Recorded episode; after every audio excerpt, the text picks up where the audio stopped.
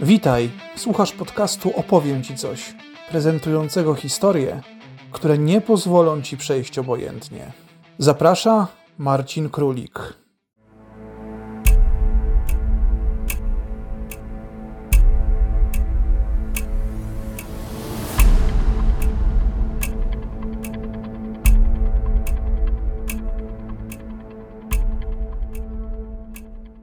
Nieuniknione. Odcinek szósty.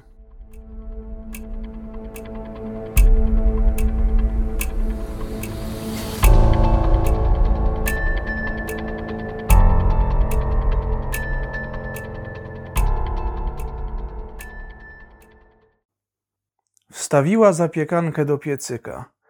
W tym obrazie zawierało się wszystko. On był wszystkim i palił jak wszyscy diabli bo opowiadał całą do bólu prostą, a przez to tym tragiczniejszą historię Toma i Jenny Angstromów, którzy na całym zasranym świecie mieli tylko siebie.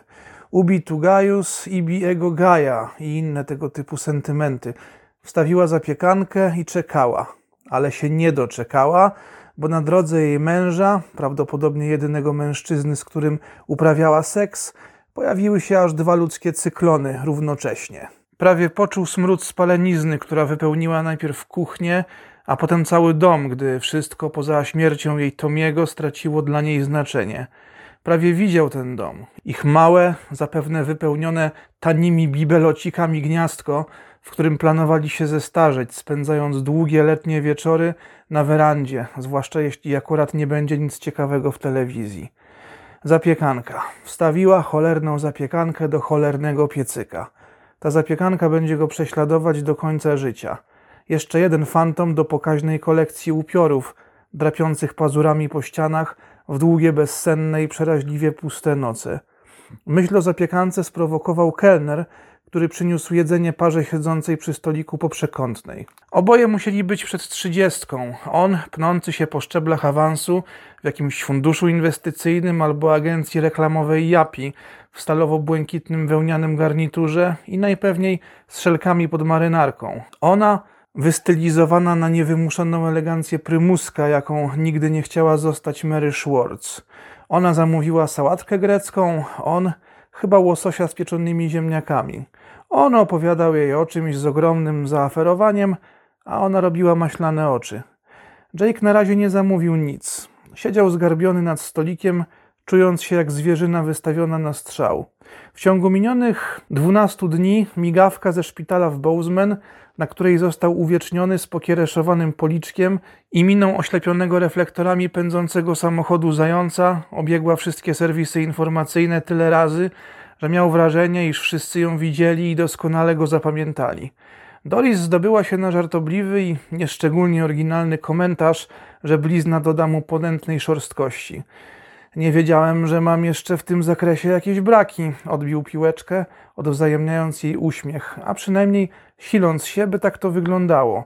Był jej wdzięczny, że się stara. Dziś blizna była już tylko niewyraźnym zygzakowatym śladem tuż na granicy linii zarostu, a częstotliwość powtórek niechlubnego występu Jake'a w mediach spadła prawie do zera co niestety nie oznaczało, że temat farmy Delgado przysechł. E, nie, w tym wypadku było wprost przeciwnie. Jak dotąd w samym domu i na terenie wokół niego policja stanowa znalazła około 40 ciał w różnym stadium rozkładu i noszących ślady najrozmaitszych wymyślnych tortur.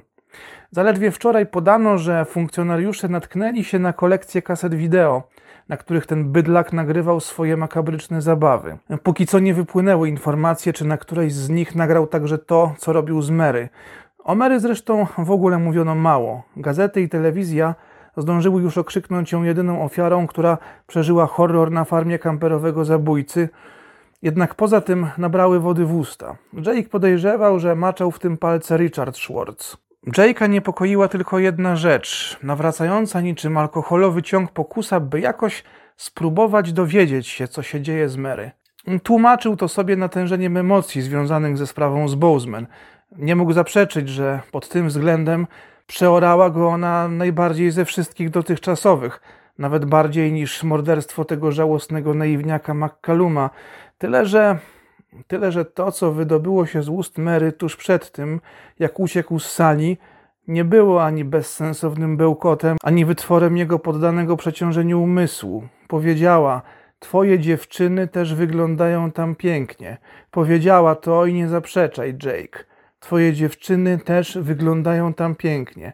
Tam, wśród niesamowicie żywych barw, w miejscu, gdzie widzi się doskonale, nawet po tym, jak psychol, który prawdopodobnie zapisze się w kryminalnej historii Ameryki, obok takich kreatur jak Ted Bundy czy John Wayne Gacy, wykroił ci oczy kawałkami lustra. Powiedziała to Jake, to oraz kilka innych rzeczy, które zapadły ci w pamięć o wiele głębiej niż byś chciał. Rzeczy, które do restauracji szybkim, sprężystym krokiem weszła Julie Sands. Dziś miała na sobie garsonkę w kolorze butelkowej zieleni ze spódnicą do kolan i kremową bluzkę. Gdy zmierzała w stronę stolika Jake'a, jej lśniące czarne włosy podrygiwały miarowo. Przez lewe ramię miała przewieszoną sporych rozmiarów torbę. Jake podniósł się z krzesła. Przepraszam za spóźnienie, wysapała. Kiedy zjawił się kelner, poprosiła o szarlotkę z lodami cytrynowymi i zieloną herbatę. Jake zwrócił uwagę na wisiorek na jej szyi. Był to zodiakalny skorpion. A pan, sir? przypomniał o swoim istnieniu kelner. E, ja? drgnął Jake. A tak, przepraszam. Dla mnie to samo, dołączył się. Kelner zapisał treść zamówienia w swoim notatniku, a odchodząc obrzucił Jake'a badawczym spojrzeniem. No, chyba pana rozpoznał, skonstatowała Julie Sands. Właściwie, gdybym wtedy wiedziała, jaki finał będzie miał dla pana ten dzień, nie byłabym dla pana taką wredną jędzą. No, niezależnie od tego, jak bardzo grubiańsko pan sam się zachował. Jake machnął ręką. Mimo to cieszę się, że zdecydował się pan na wzięcie naszej sprawy, kontynuowała. Mimo mojego sceptycyzmu? Może właśnie dzięki niemu, zrewanżowała się, puszczając do niego filuterne oczko, co jednak nie było w stanie zatrzeć wrażenia, iż gra trochę bardziej niż dyktowała sytuacja. Była dziwnie spięta, rzucała ukradkowe spojrzenia na szklaną ścianę, przez którą było widać rozciągający się po przeciwnej stronie ulicy skwer. Wszystko w porządku? Zagrał w otwarte karty Jake. Spuściła zawstydzony wzrok na swoje paznokcie. Właściwie zawahała się. Właściwie Sama nie wiem. Od kilku dni wydaje mi się, że ktoś mnie śledzi. Kiedy wysiadłam z taksówki, ten człowiek zagryzła lekko dolną wargę. Sądzi pani, że to może mieć coś wspólnego z waszym zaginionym jasnowidzem? spytał Jake. Zjawił się kelner z tacą. Postawił przed nimi talerzyki z szarlotką oraz porcelanowy imbryk z podgrzewaczem i filiżanki. Jake wykorzystał tę chwilę na szybkie spojrzenie w bok. Skwer był ocieniony osypanymi lawendowym kwieciem jacarandami. Zajęta była najwyżej połowa ławek, ale nie dostrzegł nikogo szczególnie wyróżniającego się. Przynajmniej na razie. Kelner dyskretnie się zmył. To jedyna rzecz, jaka zmieniła się od naszej ostatniej rozmowy, podjęła przerwany jego nadejściem wątek Julie. Baterman nadal nie daje znaku życia, a za mną ktoś zaczął łazić. Co zaś do pańskiego pytania, owszem, żywię takie podejrzenia. To zresztą chyba całkiem logiczne, nie? Zwłaszcza jeśli zważyć na to, co napisał i co jeszcze miał zamiar ujawnić. To, czy pan w to wierzy, nie odgrywa tu żadnej roli. No, rzeczywiście nie odgrywa, zgodził się z nią Jake. Nalał Julii sobie herbatę. Kątem oka wciąż zezował na skwer.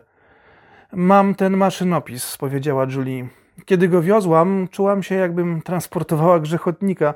Właściwie nie powinnam go panu pokazywać. Nie wydaje mi się, by był panu niezbędny w poszukiwaniach. Nigdy nie wiadomo, co się może przydać, skontrował Jake. Tak samo twierdzi Hoyt.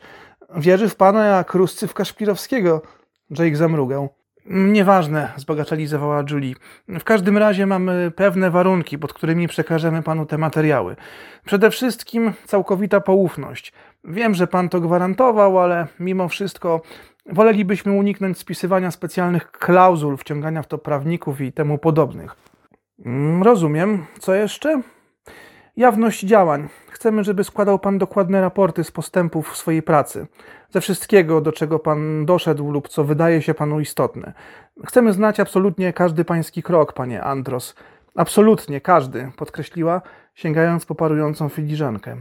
Żadnego opozowania na samotnego wilka. Jeżeli znajdzie Pan zwłoki Batermana, też chcemy o tym wiedzieć przed policją. No świetnie, prawie parsknął uśmiechem Jake. Pytanie tylko, czy ja mogę liczyć na podobną transparentność i otwartość z waszej strony? Jak dotąd w niczym pana nie okłamaliśmy, a nawet ujawniliśmy więcej niż początkowo zamierzaliśmy, zauważyła chłodno Julie. Te wyssane z palca oskarżenia, że zniknięcie Batermana i zatrudnienie detektywa do znalezienia go to część jakiejś akcji promocyjnej stanowią wytwór pańskiej fiksacji. Może policyjnej, a może wynikającej z charakteru bądź pańskich e, trudnych przeżyć z przeszłości, ale tylko fiksacji. Baterman naprawdę zniknął, a my naprawdę chcemy się dowiedzieć, co się z nim stało. Takie są fakty, panie Andros. W końcu dojrzał tego faceta. Odsłoniła go dziewczyna w dżinsowej spódniczce, która podniosła się z ławki ustawionej bliżej chodnika. Miał na sobie rozpięty szary płaszcz nie pierwszej świeżości, a pod nim nic oprócz poplamionego czymś, co wyglądało jak zaschnięty sos do pieczeni siatkowego podkoszulka. Jego głowę okalały siwe kosmyki, nastroszone tak, jakby przed chwilą wsadził palec do gniazdka. Twarz była napuchnięta i nakrapiana czerwonymi wypryskami – a efektu dopełniał brudny plaster na płaskim, niewątpliwie złamanym nosie. Nie ma co, zrobił wszystko, żeby nie rzucać się w oczy, pomyślał nie bez nutki rozbawienia Jake. Menel z plastrem na nosie, przerwał monolog Julie. Wytrącona z rytmu zatrzepotała rzęsami.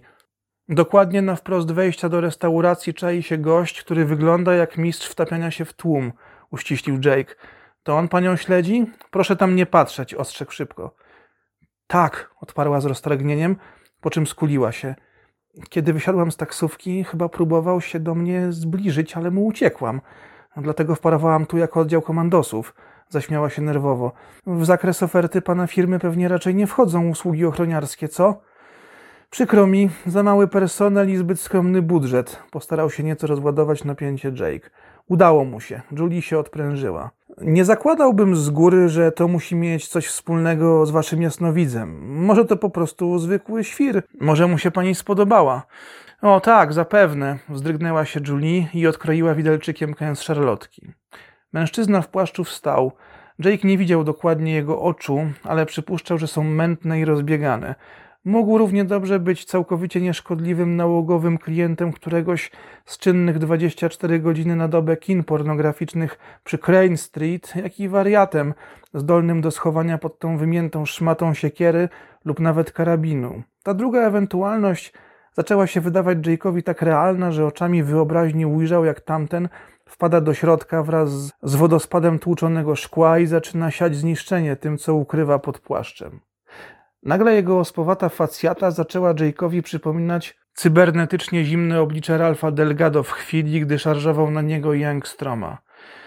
Usług ochroniarskich nie oferuję, ale mogę panią odwieźć dokądkolwiek pani zechce, zadecydował. Natomiast co do przedstawionych przez panią warunków, sięgnęła do przewieszonej przez oparcie krzesła torby, otworzyła ją i wydobyła wypchaną żółtą kopertę. Położyła ją na stoliku i popchnęła w kierunku Jake'a. Proszę to wziąć, ma pan rację. Arbitralne zakładanie, że wszystko musi mieć jakiś związek z Batermanem, to przesada, a być może nawet megalomania z mojej strony. Odkąd zniknął, jestem jak na szpilkach. Niemniej nagle zdałam sobie sprawę, że poczuję się znacznie lepiej, kiedy wreszcie się tego pozbędę. Przynajmniej do czasu wyjaśnienia sprawy. Jake zawahał się, zanim dotknął koperty. W końcu jednak przeciągnął ją na swoją stronę, a następnie podniósł z blatu. Czy to wszystko? Tylko druga część, ta jeszcze nie wydana, w której opisał ostatnią dekadę XX wieku i a zresztą sam pan się przekona. Zacząłem już nad tym pracować, więc na części maszynopisu są moje poprawki redaktorskie, ale większość wciąż jest nietknięta. I pani w to naprawdę wierzy, podsumował Jake, ważąc kopertę w dłoni nagle niepewny, czy słusznie postąpił, przyjmując to zlecenie. Nawet jeśli wybitnie potrzebował zająć się czymś, co odwróciłoby jego myśli od zapiekanka, twoje dziewczyny też wyglądają tam pięknie, zapiekanka, twoje dziewczyny, zdarzeń w Bozeman, o zastrzyku gotówki nie wspominając.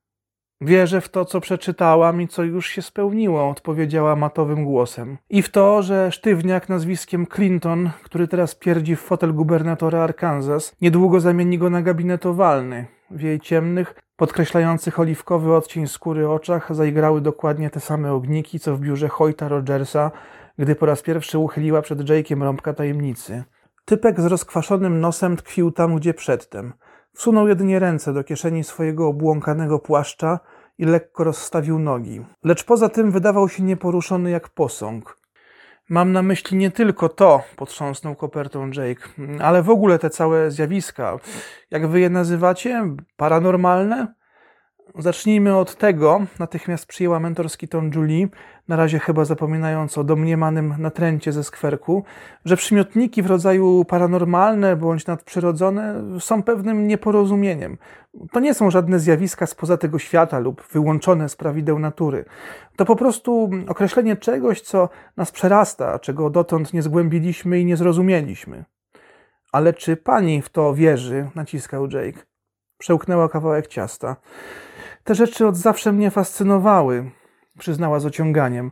Już jako nastolatka uwielbiałam czytać o telepatii, kosmitach, astrologii, duchach, doświadczeniu życia po życiu i innych podobnych rzeczach. No myślę, że w pewnym sensie zastępowało mi to religię, w której nie odnajdywałam odpowiedzi na nurtujące mnie pytania. Miałam ojca pastora, uśmiechnęła się cierpko, bardzo fundamentalistycznego i konserwatywnego. Rozumie pan? On miał tylko gotowe formułki, a ja no, potrzebowałam czegoś innego. Więc uznała pani, że latające spotki i ektoplazma są lepsze od Jezusa? Podchwycił Jake z nadzieją, że jej nie uraził. To nie takie proste, wzruszyła ramionami rozbawiona. Fascynacja jeszcze nie oznacza wiary czy przekonania. To raczej coś w rodzaju ćwiczeń wyobraźni, badania możliwości. Nie wiem, czy wierzyłam, na ile wierzyłam. Wiem, że uwierzyłam wtedy, gdy zetknęłam się z proroctwami Batermana. To było coś, zastanowiła się, to było jak olśnienie. Nie wiem, jak to inaczej oddać. Pewnie tak musieli się czuć badacze całunu turyńskiego, kiedy przekonali się, że teoria średniowiecznego fałszerstwa nie jest w stanie wyjaśnić doskonałości utrwalonego na nim wizerunku. Zapadła kłopotliwa cisza. Menel po przeciwnej stronie ulicy wyjął ręce z kieszeni. W żadnej nie trzymał rewolweru ani niczego innego, co mogłoby służyć jako broń. Powoli odwrócił się do nich plecami i zaczął odchodzić.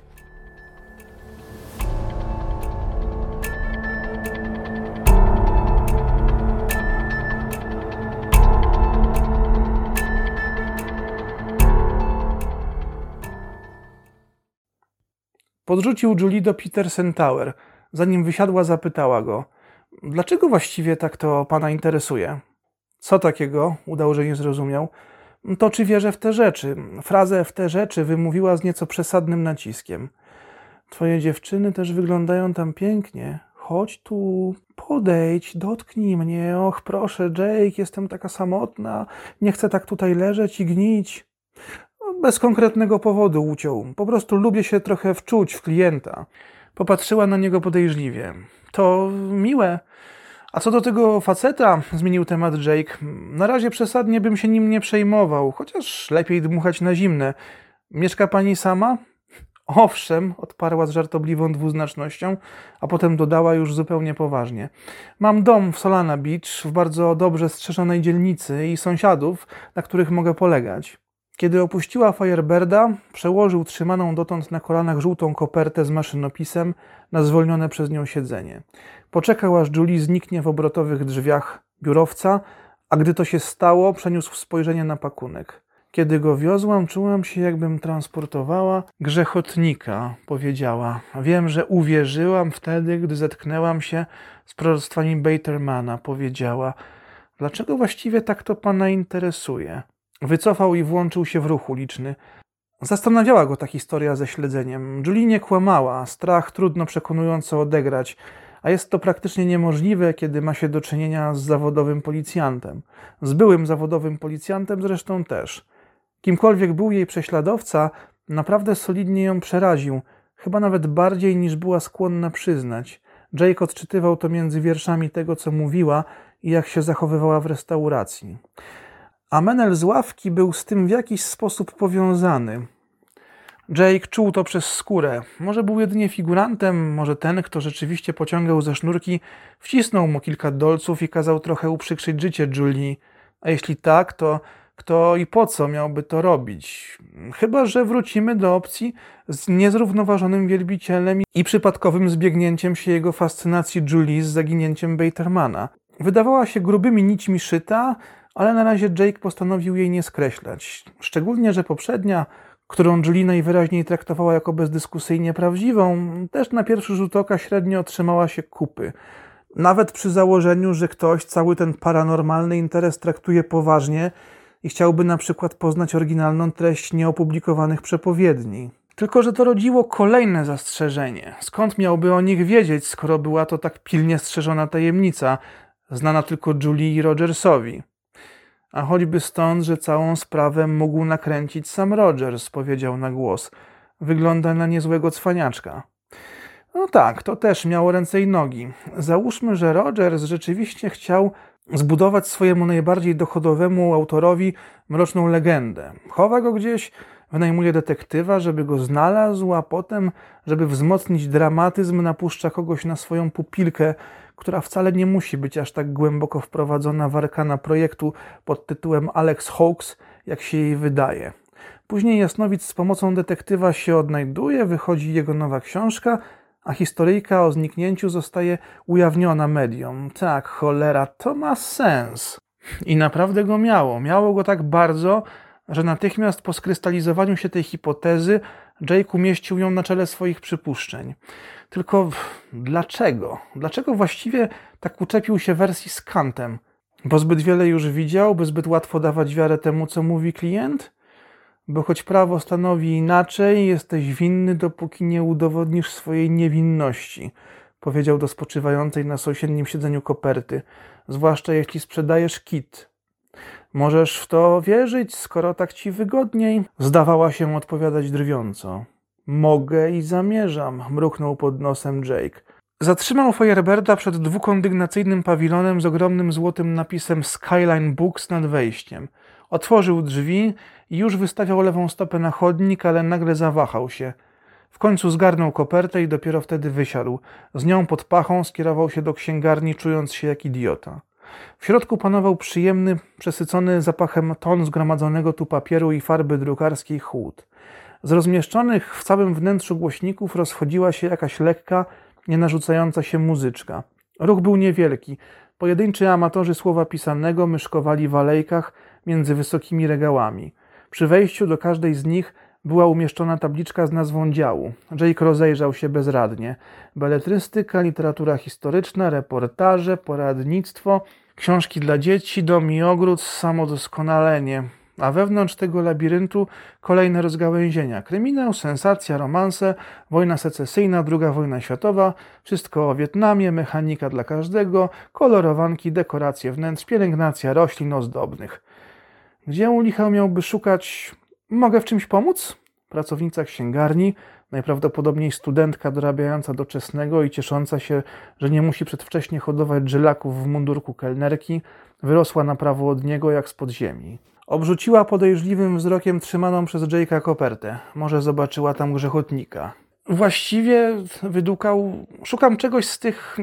Szukam książek Alexa Hawksa, wypalił w końcu. Kojarzy je pani? Dorzucił niepewny, która z możliwych odpowiedzi stawiałaby go w gorszym świetle. Gdyby zaprzeczyła, musiałby jej dokładnie wyjaśnić, w czym rzecz, a to postawiłoby go w pozycji napalonego małolata polującego na świerszczyki w sklepie przy stacji benzynowej. W jej zielonych oczach błysnęło zrozumienie. Sprawiała wrażenie kogoś, kto już niejednokrotnie musiał odpowiadać na podobne pytania zażenowanych klientów. Dział ezoteryczny jest na piętrze, objaśniła, wskazując głową na ruchome schody. Mm, te książki, czyżby chciała powiedzieć brednie, ale w ostatniej chwili ugryzła się w język, mm, schodzą jak ciepłe bułeczki, ale chyba powinniśmy mieć jeszcze kilka egzemplarzy. Mogę to sprawdzić w komputerze, gdyby pan sobie życzył. Nie, dziękuję, zaprotestował. Spróbuję poradzić sobie sam. Mm, w porządku, przytaknęła i oddaliła się chyłkiem, jak gdyby Jake rzeczywiście miał ze sobą grzechotnika, albo przynajmniej wielkiego, tłustego, przebierającego włochatymi odnóżami pająka. Wjechał na piętro. Na pierwszy rzut oka wydawało się jeszcze bardziej zagmatwane niż parter. Różniło się od niego również tym, że co kilka metrów stały tu głębokie, obite czymś przypominającym plusz w brzoskwiniowym odcieniu kanapy, na których można było przysiąść i spokojnie przekartkować książkę przed zakupem. Niestety ponownie musiał skorzystać z pomocy. Tym razem udzielił mu jej tyczkowaty chłopak o niewiarygodnie kościstych policzkach, bujnej czuprynie i szarych oczach. Pokierował Jake'a do drugiej alejki opatrzonej nazwą Duchowość i Religia, dodając, że to, czego szuka, znajduje się w trzeciej przecznicy na lewo. Jake był mu dozgonnie wdzięczny za to, że nawet jednym drgnieniem mięśnia twarzy nie zdradził, co sądzi o świrach zapuszczających się w te rejony krainy druku. Tak czy inaczej, wreszcie stanął przed tabliczką z napisem ezoteryka, czując się podobnie jak w Bozeman, kiedy z Atkinsem i Vicky Sue wysiedli z windy. Znów musiał wziąć głęboki wdech, by następnie zanurkować. Znalazł półkę z literą H, a na samym jej początku pierwszy tom Kronik Przyszłości był tylko w jednym egzemplarzu, za to drugi w pięciu. Obydwa były wydaniami broszurowymi o jadowicie fioletowych, błyszczących okładkach. Jake wyciągnął jedynkę. Tytuł i nazwisko autora były wytłoczone i pokryte złotym lakierem. Grafika na froncie okładki przedstawiała rozłożone dłonie, nad którymi unosiła się rzucająca na nie błękitny poblask kryształowa kula z zegarem w środku.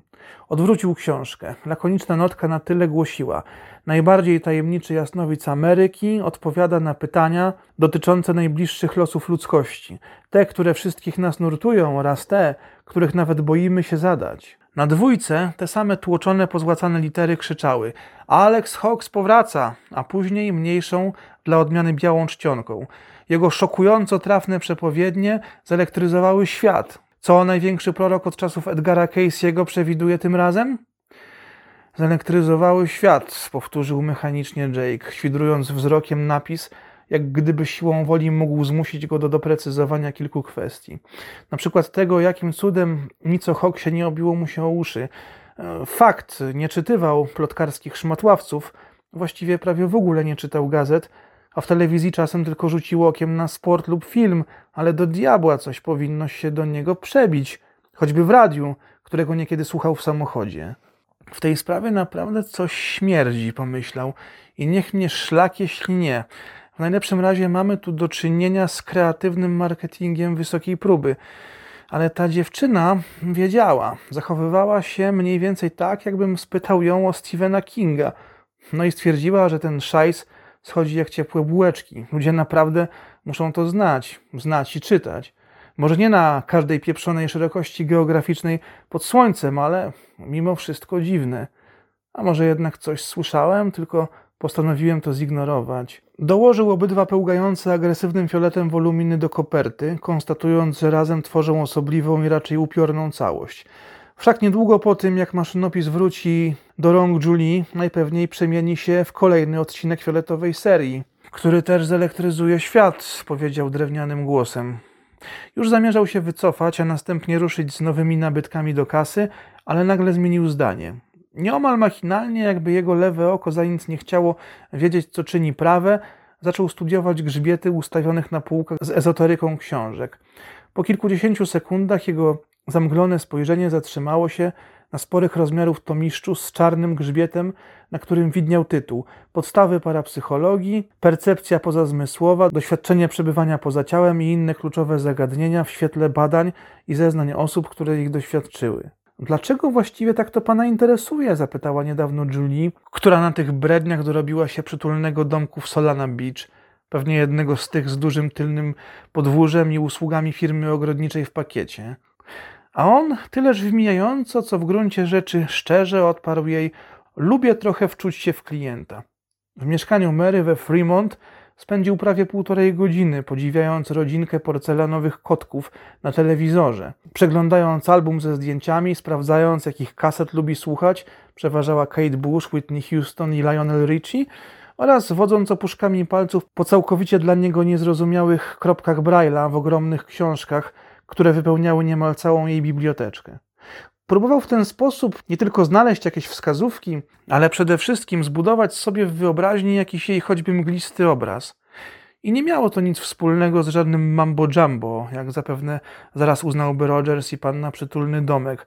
Stanowiło po prostu jedną z powszechnie stosowanych technik śledczych, której fakt faktem Jake jako policjant nigdy nie miał okazji użyć – bo wyjąwszy krótki okres tuż po akademii, gdy jeździł w patrolu, całą służbę przesiedział w prochach, gdzie przydawały się zupełnie inne kompetencje. Wiedział jednak, że przynosi niezłe rezultaty i odkąd został prywatnym detektywem, często po nią sięgał.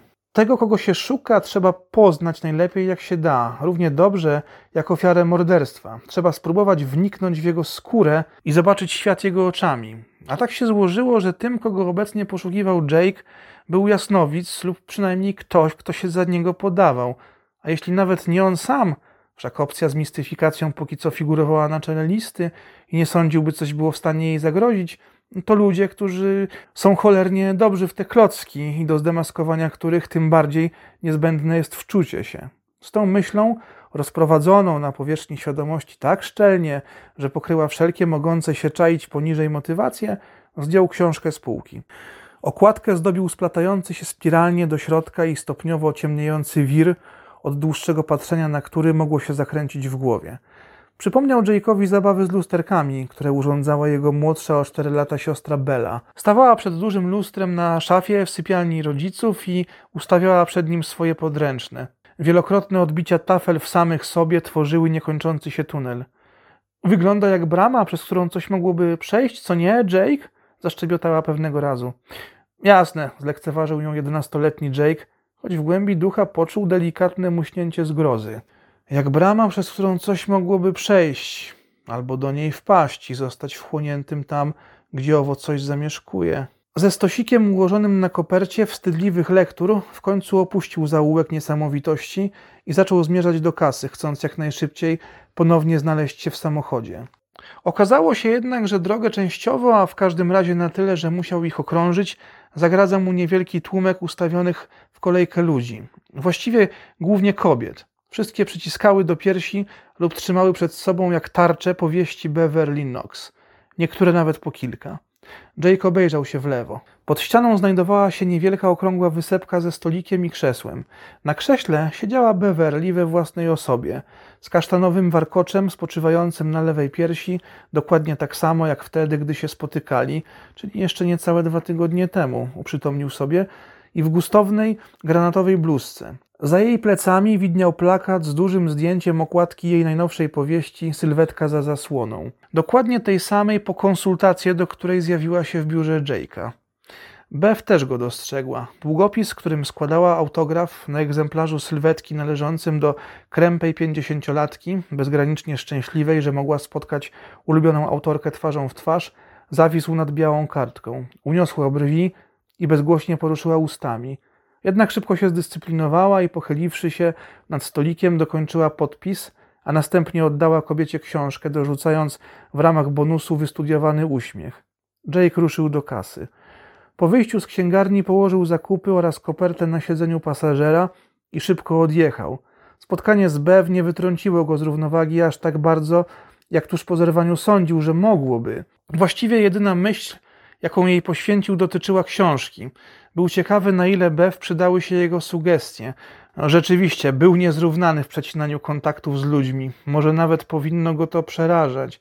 I czasem może nawet przerażało. Ale w kończeniu niewygodnych dywagacji też był piekielnie dobry. Wrócił więc do znacznie bezpieczniejszych rozważań o zaginięciu lub rzekomym zaginięciu Batermana. Zastanawiał się, co zrobi, jeżeli jego robocza teoria rzeczywiście okaże się trafna, zwłaszcza w swojej najbardziej radykalnej wersji. Pani przytulny domek będzie zdruzgotana, kiedy dowie się, że szef posługiwał się nią jak pionkiem szachowym. Z dwojga złego chyba jednak wolałby, żeby była w to umoczona. Tylko, że ten jej strach, ten strach którego nie da się udać i ten gość z plastrem na nosie. Na razie skupi się na Batermanie, rozpracuje go, poleci do Arizony, do tego całego Sutters coś tam, skąd rzekomo wysyłał swoje maszynopisy.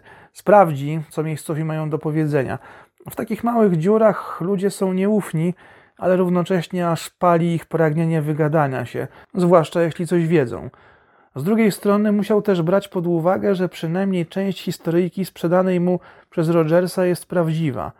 Może człowiek nazwiskiem Baterman istniał naprawdę i może zgodził się odegrać rolę jasnowidza lub wręcz sam ją zaproponował, a Rogers po prostu w to wszedł, bo widział w tym potencjał. Może ten facet był mitomanem lub wariatem, a może faktycznie wierzył, że posiada jakieś nadnaturalne predyspozycje do przewidywania przyszłości. I może ten facet, ta kura znosząca dla Rogersa diamentowe jaja, naprawdę zniknął. Tak, takie założenie też trzeba było poczynić. Cholernie dużo tych założeń, mruknął półgłosem. Założenia po prostu aż się plenią, jak chwasty. Nagle zesztywniał. Coś było nie tak. Popatrzył w boczne lusterko. Strumień samochodów za nim niczym szczególnym się nie wyróżniał, przynajmniej na pozór. Jego uwagę przykuł metalicznie zielony Concorde. Jake był pewien, że jechał za nim od samej księgarni. Trzymał się na bezpieczną odległość, od Firebirda dzieliły go trzy inne auta, ale wyraźnie siedział mu na ogonie od chwili ruszenia spod księgarni, a nie wykluczone, że pojawił się już wcześniej. Śledził go. Niech to szlak, śledził go. Przesadzasz, ofuknął się. Zajmujesz się tą sprawą od paru godzin i już wjechała ci na łeb. Trochę szybko, tracisz formę. Zmienił pas. Concord zniknął z lusterka, ale kilka minut później pojawił się ponownie, także schowany za innymi samochodami. Czy za jego kierownicą siedział Menel w brudnym płaszczu i poplamionym podkoszulku? Jake'owi wydawało się to mocno wątpliwe. Natomiast sam fakt, że jest śledzony, w tej chwili był już dla niego bezsporny.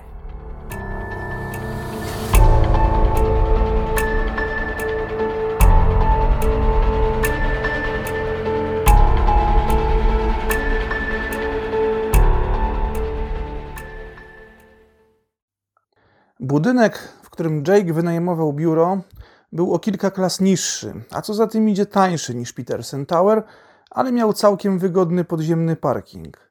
Kiedy wprowadzał do niego Firebirda, Concorde, dokładnie tak jak się spodziewał, wykonał zwód, przejeżdżając dalej, jakby nic się nie stało. Nie miał innego wyjścia, jeżeli chciał zachować pozory. Choć jeśli ten, kto siedział za jego kierownicą, był zawodowcem, a Jake właśnie tak sądził, prawdopodobnie już domyślił się, że został zauważony. Jake miał nadzieję, że dojrzy tamtego choćby kątem oka, zanim zniknie, ale nie zdążył. Nie przejął się tym jednak. Coś mu mówiło, że okazja jeszcze się nadarzy. Być może nawet oko w oko. Pytanie tylko, co z tej konfrontacji wyniknie i kto będzie górą, gdy nastąpi. Po raz nie wiadomo już który dzisiejszego dnia skierował wzrok na leżącą obok żółtą kopertę z maszynopisem Batermana, teraz przykrytą książkami kupionymi w Skyline. Może jednak rzeczywiście o ciebie chodzi, mruknął, przeczesując nerwowo brodę, a potem pomyślał, że popełnił błąd, nie dokupując torby na swoje precjoza. Gdy wparuje z nimi do biura, Doris z wrażenia spadnie z krzesła. O ile wcześniej na zawał nie padnie pływający w fałdach sadła Fulton Green, notariusz z kancelarii po sąsiedzku, który dziwnym trafem zawsze potrzebował skorzystać z windy akurat wtedy, gdy ktoś inny z niej wychodził. Zgarnął książki z siedzenia pasażera i wysiadł. Choć większość stanowisk była zajęta, poza nim w oświetlonej jeżeniówkami hali nie było nikogo. Mimo to przez ułamek sekundy wydało mu się, że między samochodami przemknął jakiś cień. Jego umysł natychmiast wywołał obraz faceta ze skwerku przed restauracją. No tak, był jeszcze on.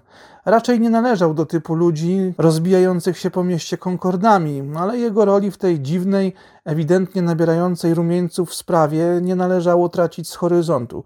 Nie ma co, zaczynało się robić cokolwiek tłoczno. Ciekawe, czy ciebie też będę miał okazję spytać o godzinę, koleżko, pomyślał Jake z przekąsem, którego nie lubił, gdyż aż za bardzo miał świadomość, że pokrywa nim poczucie zagubienia i wynikającego zeń niepokoju.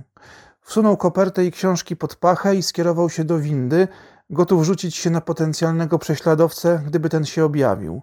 Fulton Green tym razem na szczęście nie musiał pilnie wyskoczyć do delikatesów ani apteki, nie mogąc w żadnym razie powierzyć tej ważnej misji sekretarce. Jake wkroczył do biura, starając się za wszelką cenę ukryć tytuły niesionych książek. Doris, chwilowo nie mająca nic do roboty, podczytywała Newsweeka. Masz gościa, oznajmiła na powitanie. Czeka u ciebie. Jake otworzył usta, ale go ubiegła. Pani Schwartz, powiedziała konspiracyjnym szeptem. Zatkało go. Podchwyciła jego spojrzenie i wzruszyła ramionami, co w niewerbalnym języku miało zapewne oznaczać, że matka Mary nie zechciała wyjawić celu wizyty. Dzięki, zdołał w końcu wydusić przez nagle ściśniętą krtań. Zrób nam coś do. Jej już proponowałam, ale odmówiła. A dla ciebie kawa? Tak, proszę, wyciągnął prawą rękę, by otworzyć drzwi swojego gabinetu. Albo jednak nie, nie łącz mnie na razie z nikim, ok? W porządku? Kobiety niegdyś głodne życia, zaś ostatecznie przez nie ujarzmione i pokonane, zachowują szczególną, z pewnością godną szacunku wyniosłość, jaką charakteryzują się wszyscy, którzy startowali z wysokiego C. Prawdopodobnie tak Cynthia Schwartz opisałaby Bev. Jake'owi przemknęło to bardzo przelotnie przez myśl, kiedy wszedłszy ujrzał Cynthię siedzącą prosto jak struna na krześle dla interesantów. Miała na sobie nienagannie skrojony turkusowy kostium i dopasowany kapelusz, spod którego wystawały przycięte na linii karku włosy. Na kolanach trzymała torebkę. Jake odchrząknął.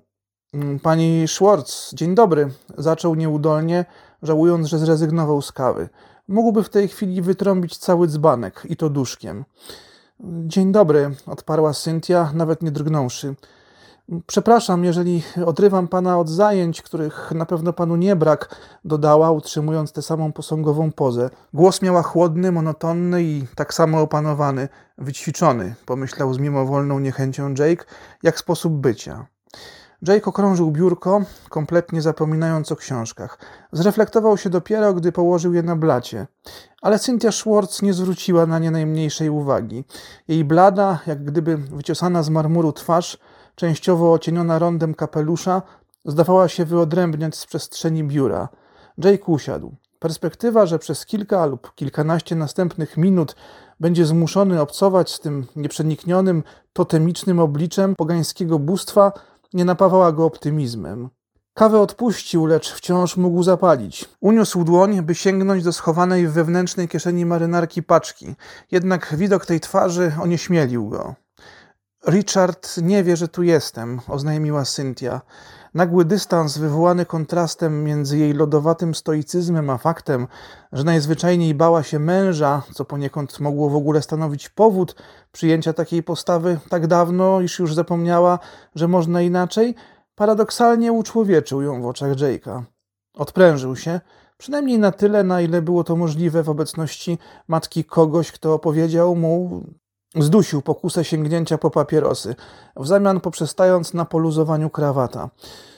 No, rozumiem, przytaknął. A jak się miewa Mary? Wciąż przebywa w Bozeman, wyjaśniła Cynthia, jakby tylko czekała na to pytanie.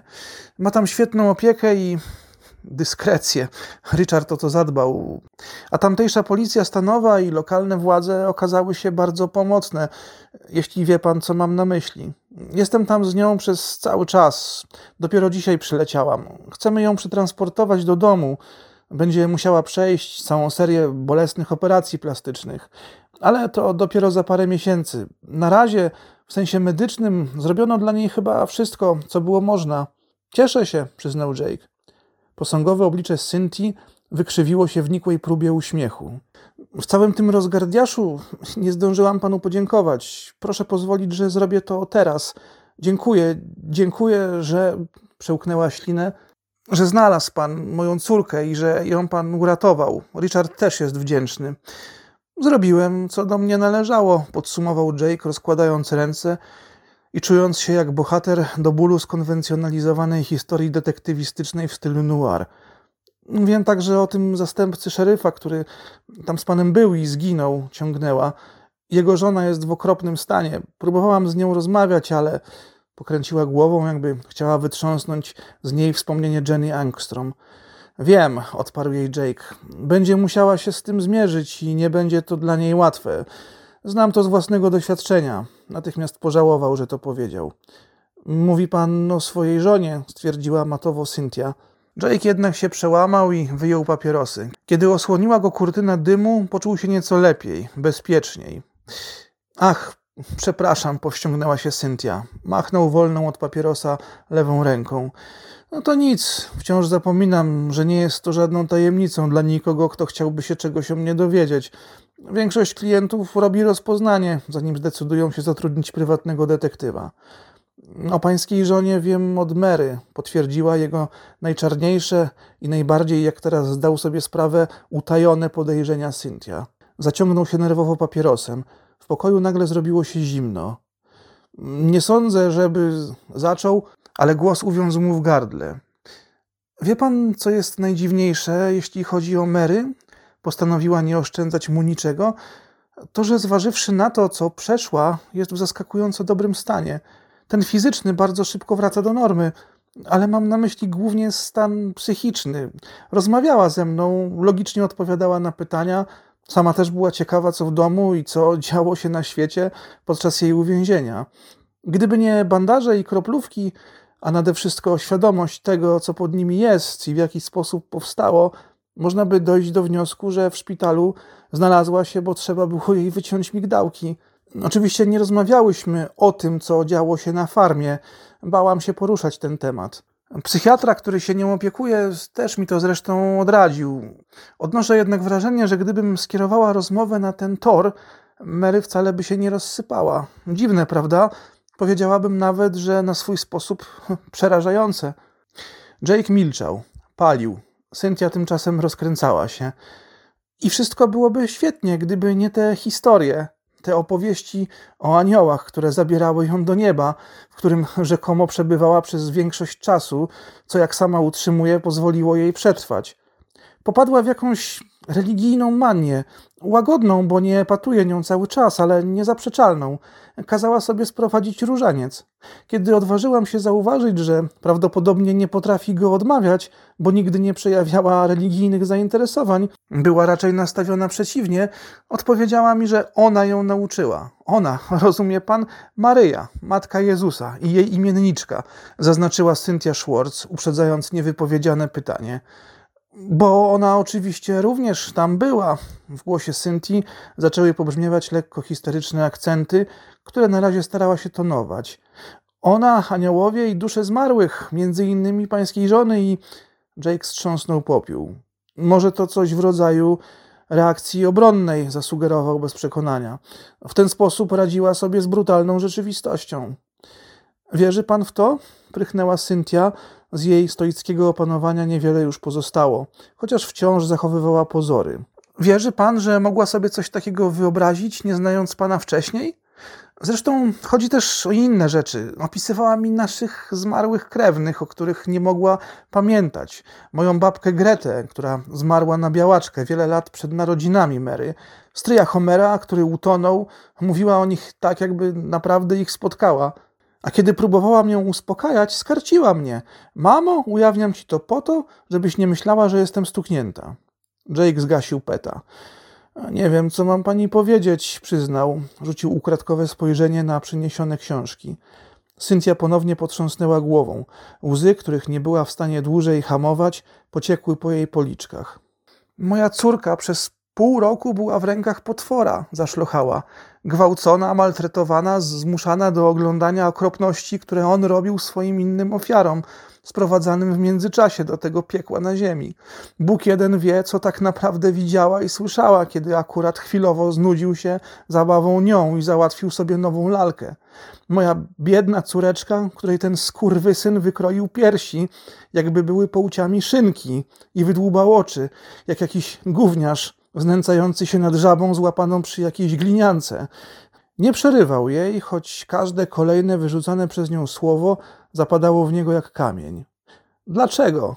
Dlaczego on to robił? Co Mary mu zrobiła? Co myśmy mu zrobili? Chciałabym to zrozumieć, ale to po prostu to przechodzi moje pojęcie. Dlaczego to zrobił? Bo mógł, bo był zasranym ludzkim cyklonem, któremu zdawało się, że jakieś szczególne kosmiczne uprzywilejowanie gwarantuje mu to prawo. Jake podniósł się, ale powstrzymała go gestem dłoni. A tymczasem ona opowiada o niebie. O niebie, rozumie pan? O niebie, w którym, jak wiele na to wskazuje, rzeczywiście przebywała. Czasem, kiedy o tym myślę, jestem bliska obłędu. Nie mogę z niczym zdradzić się Richardowi, bo prawdopodobnie wpadłby w furię i obie nas zamknął w domu bez klamek. Nie mam już siły. Zakryła twarz dłońmi i rozryczała się na dobre. Pozwolił, żeby to wypaliło się w niej do dna. Stopniowo się wyciszała. W końcu otworzyła torebkę i wyjęła z niej chusteczki higieniczne. Przepraszam, siąknęła. Może jednak napije się pani czegoś, podsunął. Nie, nie, odmówiła zdartym, zmęczonym głosem. Proszę sobie nie robić kłopotu. Chyba po prostu potrzebowałam się przed kimś wyżalić. Padło na pana. Taka praca, zdobył się na kanciasty żart. Ogarnąwszy się, zadała ostateczny cios. Też, jak później uznał, nie aż tak znów niespodziewany. Tak naprawdę przyszłam tu na prośbę Mary. Ona napisała do pana list. Właściwie to nagrała go. Ponownie otworzyła torebkę, pogmerała w niej i wyciągnęła kasetę magnetofonową. Położyła ją na biurku, a kiedy nie wykonał żadnego ruchu, stanowczo popchnęła w jego kierunku. Chciała, żeby to do pana dotarło. Po jej wyjściu wypalił jeszcze cztery papierosy, nadal nie dotknąwszy pudełka z kasetą. Nie myślał o niczym konkretnym, a gdy tylko jego umysł próbował się na czymś skupić, powstrzymywał go bez ceregieli. W końcu powietrze tak nasiąkło dymem, że zaczęły go piec oczy, a treść żołądka wywróciła się jak w bębnie pralki. Odkaszlnął, podniósł się chwiejnie, otworzył okno i długo wdychał powietrze z ulicy, wdzięczny Doris, że mu nie przeszkadzała. Nieco otrzeźwiony wrócił do biurka i podniósł kasetę. Zwykła dziewięćdziesiątka z napisem TDK. Otworzył pudełko, powąchał. Pachniała jak setki innych kaset. Właściwie dlaczego nie miałby wyrzucić tego cholerstwa na ulicę? Albo wywlec taśmę i zagrzebać całość w koszu na śmieci, pod zmiętymi paczkami po papierosach, kulkami papieru i butwiejącymi od wczoraj skórkami po mandarynkach? Dlaczego nie miałby tego zrobić? Dlatego, że to nie unieważniłoby tego, co powiedziała mu w Bozeman i jeszcze z kilku innych powodów, z których póki co zdawał sobie sprawę nader mgliście. Oto dlaczego. Ona pokazała mi ciebie, jak idziesz do mnie przez własny mrok. Powiedziała mi, że przeżyłeś po to, żeby mnie uratować. Powiedziała, że jesteś narzędziem, że to wszystko, co cię spotkało, miało cię przygotować. Twoje dziewczyny też wyglądają tam pięknie. Twoje dziewczyny. Powiedziała, że jesteś narzędziem. Otworzył drzwi gabinetu. Doris nadal czytała Newsweeka. Były do mnie jakieś telefony? Nic a nic. Zamknęła magazyn. Co z panią Schwartz? Popłakiwała trochę, kiedy wychodziła. Zapytałam, czy mogę jej w czymś pomóc, ale zbyła mnie. Po tym, co przeszła, trudno jej się dziwić. Tak, potaknął przeczesawszy brodę. Nudzisz się, czarnulko? Zmienił temat. Nudzić się? Przy takim facecie? Błysnęła perłowymi zębami, mogącymi śmiało występować w reklamie nici dentystycznych, po czym natychmiast spoważniała. Skoro bierzesz mnie tak pod włos, to pewnie masz dla mnie jakąś ekstra robótkę. I owszem, zbliżył się do jej biurka. Chciałbym, żebyś rozkręciła tę elektroniczną dzidzie, której tak nie znoszę, i spróbowała mi namierzyć jednego faceta. Nazywa się Gordon Baterman. Pogrzeb w tym ciaparajstwie i spróbuj ustalić, ilu Gordonów Batermanów mieszka na terenie Kalifornii. To na początek. A mam zwrócić uwagę na coś konkretnego? Zapytała, zapisując polecenie na żółtej karteczce. Przykleiła ją do monitora Macintosha, którego zakup po długich namowach oraz roztaczaniu świetlanych perspektyw przyspieszenia, jakiego dzięki tej inwestycji dozna ich działalność, wymogła na Jake'u w lipcu. Na razie nie. Po prostu sprawdź, ilu facetów o tym imieniu i nazwisku szlaja się po naszym słonecznym stanie. Potem może się zdarzyć, że będziemy musieli poszerzyć zakres poszukiwań. Zaraz się za to biorę, włączyła komputer. Jake założył ręce na pierś. Mógłbym cię o coś zapytać? Zaczął ostrożnie. Coś spoza protokołu? Obrzuciła go bystrym, czujnym spojrzeniem. Spojrzeniem, które niewerbalnie przypomniało mu po raz kolejny, dlaczego mimo lat świetnie się układającej współpracy nigdy nie zaprosiła go do domu. No, wal, szefunciu, nie krępuj się, zachęciła, choć w jej głosie dało się wyczuć lekkie napięcie, które nie uszło jego uwagi. Odchrząknął. Jaki masz stosunek do spraw religijnych? Wierzysz w ogóle w te rzeczy? Wyraz jej czekoladowej twarzy, komunikujący, że jest bliski przekroczenia nieprzekraczalnej granicy, stał się jeszcze wyraźniejszy. A potrzebne ci to do czegoś? rzuciła z nieszczerą beztroską. Powiedzmy, wiesz dla kogo teraz pracujemy. Dla niektórych astrologia, horoskopy i inne tego typu bzdury to coś w rodzaju religii. Usiłował pokrętnie wybrnąć z niezręczności, w którą tak nieopatrznie sam wpakował ich oboje. Chcę wyrobić sobie jakiś pogląd, zrozumieć ten sposób myślenia. Sam dla siebie nie brzmiał zbyt przekonująco. No tak, racja, rozluźniła się. Myślę, nadeła wargi, myślę, że większość ludzi w coś wierzy. Jest im to potrzebne do odnalezienia sensu w bezsensie całego tego pieprznika. Ja z Seanem i dzieciakami należymy do kościoła prezbiteriańskiego. No może nie jesteśmy jakoś przesadnie gorliwi, ale pomaga nam to. Jest przynajmniej do czego się odwołać w podbramkowych sytuacjach. Tylko nie pytaj mnie, czy naprawdę uważam, że gdzieś tam w kosmosie lub nad nim rezyduje siwobrody wielki tatuś, który wysłał tu swojego synka, bo miałabym kłopoty z odpowiedzią. Nie zamierzałem cię o to pytać, skłamał. Chyba po raz pierwszy, odkąd cztery lata temu zjawiła się w tym biurze z egzemplarzem San Diego Tribune, w którym wydrukowano jego ogłoszenie, że poszukuje asystentki. Właściwie powinieneś mnie zapytać, czy czytuję horoskopy i chadzam do wróżek. Przygwoździła go. W kontekście sprawy byłoby to znacznie bardziej sensowne. A odpowiedziałabyś mi? Spróbował obrócić zgrzyt w żart. Nie, zachichotała, ale w sumie z tym pewnie jest trochę podobnie jak z religią. Pewnie tak, zgodził się.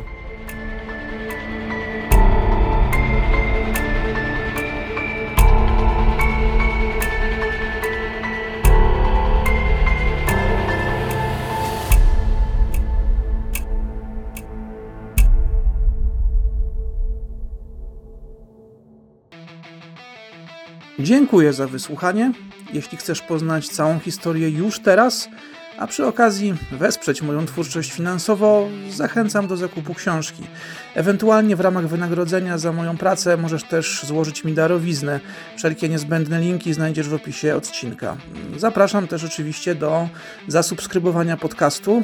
Jest on dostępny na platformach podcastowych oraz na YouTube, gdzie stanowi część mojego osobistego kanału podpisanego moim imieniem i nazwiskiem.